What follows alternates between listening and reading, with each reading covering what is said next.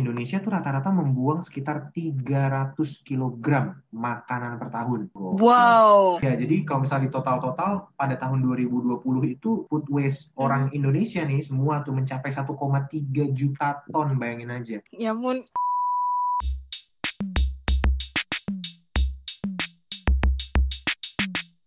Cheat change isn't just a chat. But a chat towards a good change. Hello, balik lagi sama aku dan juga Kak Ben. Di di mana kan nih Kak Ben? Di Change We Make Change Indonesia. Tentunya dong, Sal. Ini kita udah lama semangat banget. banget ya ampun. Iyalah, harus semangat ini kita mengawali podcast pertama ini harus dengan semangat yang baru, Sal. Asik. Suka suka banget nih semangat semacam ini ya di season 2. Betul? Season 2. Kita punya season-season gitu ya, kayak Netflix aja.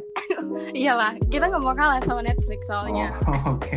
Jadi apa nih, Sal? Apa nih yang mau kita bahas nih? Oke, jadi sebelumnya berhubung kan ini kan kita season baru ya kak. Jadi takutnya ada beberapa change makers yang belum kenal siapa nih kita. Jadi podcast ini tuh dimiliki oleh komunitas yang namanya We Make Change Indonesia. Yang mana We Make Change Indonesia ini berfokus pada Sustainable Development Goals. Nah, untuk SDG itu sendiri kita ada empat fokus. Yang pertama ada? SDG 2, Oke. jadi SDG 2 itu zero hunger kak. Terus ada SDG 4 itu untuk quality education. Oke. Ada juga SDG 11 untuk sustainable cities dan communities. Satu lagi. Sama yang terakhir itu ada SDG 13. Oh, Itu tentang climate action. Nah, jadi untuk mengawali season ini, topiknya itu tentang SDG 2, zero hunger. Tapi untuk spesifik topiknya kita bakal ngebahas tentang food waste. Gitu, Kak Ben. food waste. Ini seru banget nih. Kalau misalnya soal food waste, langsung Mm-hmm. di kepala tuh kepikiran pasti ini makanan sisa, ini makanan sisa. Sehari-hari tuh pasti ada aja makanan sisa yang kita konsumsi, yang tidak kita konsumsi tentunya.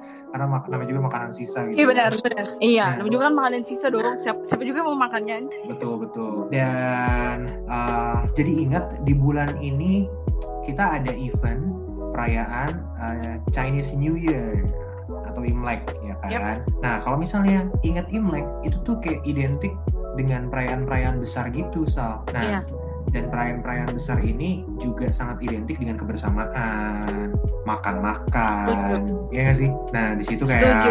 tapi sebenarnya nggak cuma perayaan-perayaan besar aja sih, sebenarnya kayak kehidupan sehari-hari bahkan banyak banget orang-orang yang mampu beli makanan tapi Nggak dihabisin. Iya betul, nggak dihabisin, selalu ada sisa makanan yang dihasilkan gitu kan, jadi kayak sayang banget gitu. Dan food waste, food waste ini tuh kalau misalnya dikumpulin ternyata tuh besar banget tuh Sal.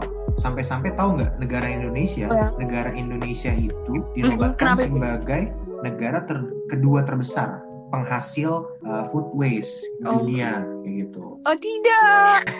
Padahal udah jadi negara kedua ini loh ya. eh, apa yang itu sampah di laut loh. Iya, Sekarang makanya. food waste juga. Wow. Nah, makanya ini jadi Sedih concern sekali. yang sangat yang sangat penting buat kita perhatikan karena semuanya ini tuh udah apa ya?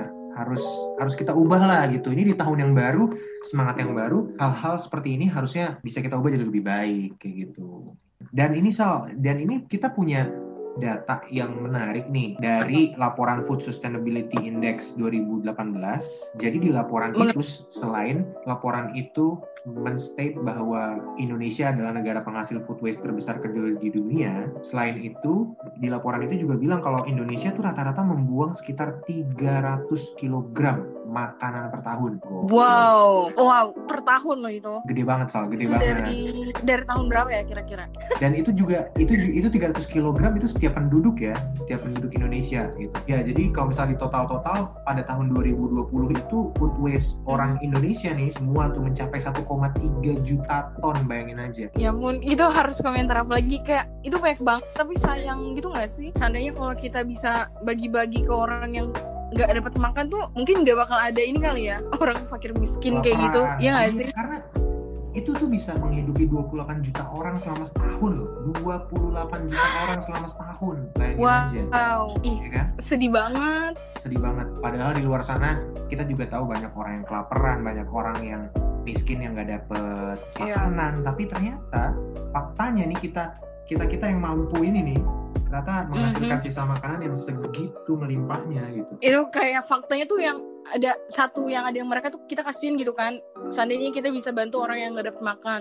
Tapi di sisi lain tuh ternyata banyak juga orang yang menghasilkan sampah makanan gitu. Betul itu ironis banget asli. Ironis banget sih. Iya itu itu bener sih kayak keadaan yang ironi gitu kan. Di satu sisi kita mau bantu orang yang susah cari makan atau mungkin dia susah dapat makan gitu. Tapi di sisi lain ternyata food waste itu ada gitu. Nah jadi selain itu kita juga harus mengenali apa dampak dari kelaparan itu betul Nah, nggak sih Kak Ben? betul betul betul apa aja tuh soal dampak-dampaknya Nah, jadi di sini tuh menurut UN Hunger Report, jadi kelaparan itu istilahnya adalah untuk menggambarkan situasi ketika sebuah populasi mengalami kekurangan bahan pangan, jadi sehingga seseorang tidak bisa makan karena kendala finansial, akses atau sumber makanan gitu. Jadi untuk mengetahui kelaparan sendiri karena kita udah mengetahui definisinya itu jadi kayak eh, dari suatu populasi emang susah gitu ya mereka mendapatkan makan. Nah, jadi kenapa kita harus peduli akan suatu fenomena kelaparan itu, Kak? Jadi dalam tingkatan yang akut, kelaparan itu bisa berdampak serius bagi tubuh karena kelaparan juga dapat membuat seseorang semakin sulit keluar dari lingkungan kemiskinan tersebut. Selain itu, kelaparan juga memberikan dampak serius bagi perkembangan anak-anak loh, Kak. oh oke Hmm, dan nah, di sini ditulis uh, menurut 30 Hour Famine jadi 70% perkembangan otak terjadi selama 2 tahun awal kehidupan. Jadi kalau misalnya selama perkembangan itu terganggu, jadi misalnya si anak itu nggak dapat makanan yang sesuai porsi yang emang harusnya mereka terima gitu ya. Jadi IQ otak anak-anak ini tuh bakal rendah gitu kak. Dan itu tuh kasihan banget nggak sih kayak anak-anak harusnya ya at least gitu lah ya. Mereka tuh kan kemampuan untuk berpikirnya itu udah uh, harus semacam advance advance gitu kan tapi karena memang mereka kekurangan makanan jadi IQ mereka itu secara nggak langsung mengalami penurunan gitu Hmm, berarti ini itu juga loh Sal. Eh, pernah tahu nggak sih bahasan pernah tuh di Twitter rame mengenai privilege privilege itu katanya Oh. kalau orang yang eh, dengan ekonomi rendah dia bisa sukses juga karena kerja keras gitu ada. Ternyata kalau misalnya kita lihat fenomena ini ya susah juga gitu karena kan nutrisi aja mereka nggak dapat otomatis kecerdasan pasti berkurang dong dibandingkan sama orang yang mampu Iya. ya nggak iya wajar aja mereka hmm, sulit betul. menggapai Emang- pendidikan yang layak gitu sulit mendapat pendidikan yang lebih tinggi ya karena fasilitasnya aja nggak ada gitu kan Iya, setuju. Jadi makanya kenapa kita tuh harus peduli akan kelaparan gitu dan dan dampak dari kelaparan tersebut. Jadi gimana ya? Kar- Karena benang merahnya itu kita udah dapet nih. Mereka uh, kayak kekurangan makan yang memang mempengaruhi IQ mereka gitu kan. iya iya Jadi itu kenapa kita harus peduli uh, tentang namanya kayak food waste gitu. Kalau bisa kita jangan buang-buang makan gitu nggak sih kak? betul betul banget itu harus benar-benar kita perhatiin oke nah tadi kita udah dengar beberapa dampak yang udah disebutin sama Salma di Change Makers dan kita sekarang Yep. untuk menghindari itu untuk meminimalisir hal itu yuk kita sama-sama melakukan hal-hal ini nih sebagai tips untuk menghindari food waste. Nah Yeay. Apa tuh? teman-teman kalau misalnya makan yang pertama itu harus cintai sisa makanan kayak gitu. Oh, jadi cintai juga ya cinta Iya makanan. jadi orang yang pencinta makanan itu sebenarnya positif gitu. Jadi kons- ya jadi konsumen yang bijak semua makanan yang tersisa tuh nggak harus melulu dibuang kok bisa disimpan untuk Hmm. dikonsumsi di lain waktu gitu entah diangetin Oh, atau setuju. diapa ya kan akan lebih baik Iya. lagi kalau misalnya kita ngambil makanan tuh sesuai porsi jadi tahu loh kemampuan diri sendiri apalagi kalau misalnya prasmanan atau warung padang ya kan itu kan itu makanan enak-enak banget. Dan kita sebenarnya lebih sering lapar mata gitu dibandingkan mengetahui kemampuan kita dalam mengkonsumsi makanan tuh sebenarnya sebanyak apa sih. Nah ini nih orang-orang yang sering kali lupa gitu. Hmm, berarti harus bijak ya kalau yang pecinta makanan berarti mereka udah bijak ya. tapi belum tentu juga masih hati-hati apalagi kalau di apalagi kalau di kawinan tuh. Waduh di kawinan astaga. Ngambil piring ya kan? Ambil banyak. Eh totalnya nggak habis. Ini kan sayang banget gitu apalagi di acara-acara besar. Bahkan di kehidupan sehari-hari kalau di kantor makan bu- makan burger gitu kan cuma setengah ya kan? Pesan KFC atau McD tapi nggak habis nasinya. Eh, kayak gitu-gitu tuh itu yang ngebuat food waste kita tuh makin meningkat kayak gitu. Dengan hal-hal sederhana. Makanya Hmm. belajar untuk lebih disiplin aja sih sama apa yang kita konsumsi kayak gitu. Itu yang pertama. Oke, yang kedua. Nah, yang kedua nih bisa buat rencana belanja kebutuhan gitu. Nah, karena ini penting banget. Jadi setiap belanja kebutuhan apa pun ya, khususnya makanan ya, itu tuh harus Iya. benar-benar dipersiapkan banget, harus benar-benar direncanakan. Kita mau beli apa aja sih sebenarnya yang benar-benar itu akan habis dimakan semua sama kita kayak gitu. Hmm, oke. Jadi Setuju dengan- sih. Oke gitu. Betul. Jadi dengan begitu, dengan adanya rencana yang baik, kita bisa lebih hemat loh. Karena kan kita nggak nggak nggak barbar gitu ya kalau ke supermarket main asal ambil-ambil aja ya kan apa aja lah pokoknya yang dilihat mata enak dibeli. Nah itu salah tuh kayak gitu. Jadi harus ada rencana yang baik. Nah masuk yang ketiga nih Sal. Jadi nyambung sama yang kedua tadi. Kalau yang kedua itu adalah rencana belanja, yang ketiga eksekusinya nih kita beli secukupnya kayak gitu. Jadi membeli makanan yang terlalu banyak kan berpotensi mubazir. Jadi ya beli aja sesuai kebutuhan untuk tiap minggunya misalnya atau tiap berapa periode yang kita kira kita sanggup habiskan kayak gitu. Jadi ya lapar-lapar mata itu dihilangin dulu deh karena kita harus menyadari bahwa food waste yang sangat berlebihan itu sangat berdampak sekali bagi uh, banyak orang gitu sangat disayangkan kalau misalnya kita buang makanan banyak padahal orang lain lagi butuh kayak gitu nah terus yang terakhir Oh, adalah setuju, setuju, Kak. yang keempat nih Sal, kompos sisa makananmu kayak gitu. Nah ini nih langkah yang sangat baik. Oh, dikompos sebenarnya. gitu. Betul. Nah ini kalau misalnya bener-bener udah ya udah meminimalisir makanan segala macam, kita perencanaannya udah baik, pembeliannya udah oke gitu kan. Ya sisa-sisa dikit yang kita lakukan adalah ya kompos aja makanannya kayak gitu daripada buang mendingan kita jadiin kompos kan bisa dijadiin Oh, pupuk. mungkin bisa kita jadiin pupuk gitu ya. Betul banget, dijadiin pupuk ya kan, buat tanaman. Itu kan memberikan nutrisi juga buat tanaman. Kalau bisa beli tanaman-tanaman yang berbuah. Jadi nanti ya komposnya itu berguna buat tumbuhan yang berbuah itu, buahnya kita makan juga. Untuk Nanti- dipanen. Betul. Jadi ntar itu siklus tuh, siklus yang baik kalau misalnya kayak gitu kan, dibandingkan buang sia-sia kayak gitu. Gitu Sal. Oke, berarti dari tips-tips yang tadi udah kalian sebutin sih aku setuju ya. Dan mungkin eh, bisa kita mulai dari diri kita sendiri un- untuk melakukan tips-tips tersebut. Karena yang dampak lapar itu nggak bisa kita apa maksudnya nggak bisa kita anggap sepele kayak gitu. Betul, betul banget. Dan ternyata kalau misalnya kita telah-telah lagi nih Sal, udah ada loh orang-orang yang Mhm. melakukan gerakan-gerakan untuk Oh ya? minimalisir food waste ini. Oh, bisa dong dikasih tahu. Bisa lah jelas, kan kita informasi lengkap semua ya kan. Padahal nyontek Oh, di IG. sekali. Tolong ya change makers kalian harus baca IG-nya We Make Change Indonesia. Di search aja itu semua informasi lengkap. Oke. Dan ini adalah Oke. gerakan yang pertama. Namanya The Hunger Bank. Jadi menarik nih. Kan yang namanya pariwisata tuh pasti identik dengan hotel, dengan restoran ya nggak Mhm. sih? Itu kan banyak banget loh ternyata sisa makanan yang dihasilkan oleh mereka. Jadi dengan The Hunger Bank ini mengumpulkan makanan-makanannya terus eh, bisa dibagi-bagiin tuh makanan-makanan yang masih layak ke orang-orang yang kurang beruntung. Habis itu yang kedua ada yang namanya garda Oh. pangan.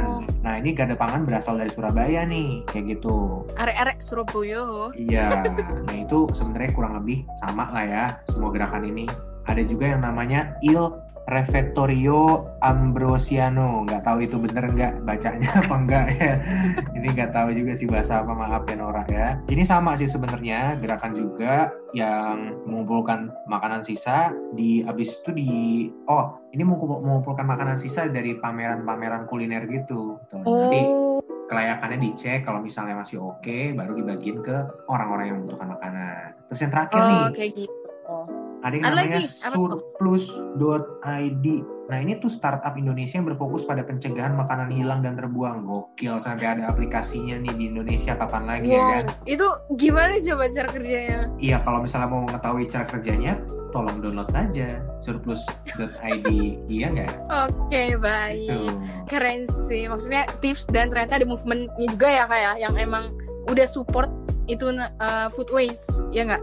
Betul banget Sal, betul banget. Oke, berarti uh, di sini sih aku dapat update nih kak uh, dari We Make Change yang emang ternyata uh, apa pusatnya dari We Make Change Indonesia Jadi kebetulan uh, kita juga ada event namanya No Poverty Change Day. Oh. Nah, wow. dan ini Kak, dan ini tuh bakal uh, diselenggarain online tentu saja. Itu tanggal 20 Februari nanti dari uh, jam 2 siang sampai jam 7 malam. Nah, dan di sini uh, mungkin nanti pembahasannya uh, lebih fokus kepada no poverty-nya juga sih kak. Jadi bisa lah ya kayak se-inline untuk mensupport si food waste itu tadi. Dan Ah, siapa tahu ada change makers yang emang, uh, jadi siapa tahu ada change makers yang emang mau join. Tapi uh, podcast ini mungkin bakal dirilis setelah ini ya acaranya selesai. jadi siapa Oke. tahu ada change makers yang emang uh, akan mengikuti event tersebut kayak gitu. Oke, nggak apa-apa. Itu pentingnya podcast Mm-mm. ini juga untuk mempromokan sosmed sosmed sosmed Change Indonesia ya kan, biar mereka tuh pantengin terus kayak gitu. Semuanya, semua nih. Setuju. Semua, semua. Apa aja semuanya itu, Kak? Iya dong. Jadi Changemakers jangan lupa follow Instagramnya Change Indonesia. Satu, Cakep. YouTube-nya We Make Change Indonesia. Dua, Dua, Twitter-nya We Make Change Indonesia. Tiga, tiga. ya kan? Facebook-nya ada juga We Make Change Indonesia. Empat. Ayo, apa lagi mau apa lagi? Podcast ini Yang terakhir Change, lupa. Oh, We Make iya. Change Indonesia nggak boleh dilewatin sama sekali karena banyak banget informasi-informasi penting yang akan kita sampaikan dan berguna banget buat change maker semuanya. Dan ini adalah informasi-informasi dalam upaya kita untuk merubah nih, merubah dunia ini menjadi lebih baik. Gokil. Uh, Berat, berat ya ampun berat. Berat ya, oke.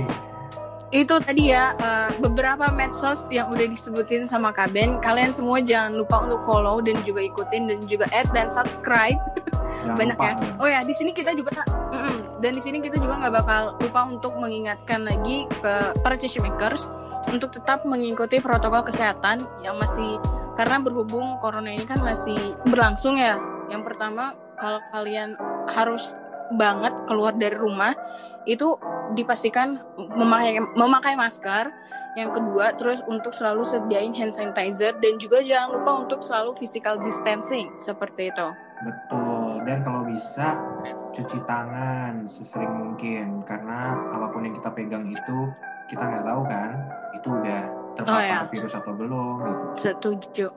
Nah mungkin kayak untuk closing statementnya dari aku nih kak, ke- karena eh, karena kan tadi juga kita udah tahu ya dampak kelaparan gitu. Jadi emang dampak kelaparan ini nggak bisa kita anggap sepele atau remeh gitu. Jadi untuk para change makers kalau bisa dari sekarang meng- mengurangi yang ap- apa yang namanya itu food waste seperti itu. Kalau dari Kaben, Nah, kalau dari gue sebenarnya simpel sih. Kenal diri sendiri, ya kan seberapa seberapa Mm-hmm. banyak kita makan, seberapa banyak kita butuh. Nah, itu aja yang kita konsumsi. Mm-hmm. Jadi jangan lapar mata, rencanakan kebutuhanmu, minimalisir makanan-makananmu. Mm-hmm. Gitu. asik, cakep sekali. Thank you Changemaker semuanya yang udah Mhm. dengerin dan kita bakalan ada episode-episode yang menarik di selanjut selanjutnya juga. Terus jangan lupa untuk terus pantengin semua sos- sosmed kita dan nanti kita juga ada ke depannya bintang tamu bintang tamu yang udah diundang di podcast ini jadi bakalan menarik banget. So stay tune terus. Yes. Oke, Yeay. dadah Changemakers. See Dadah. you next episode. Cheat Change by We Make Change Indonesia.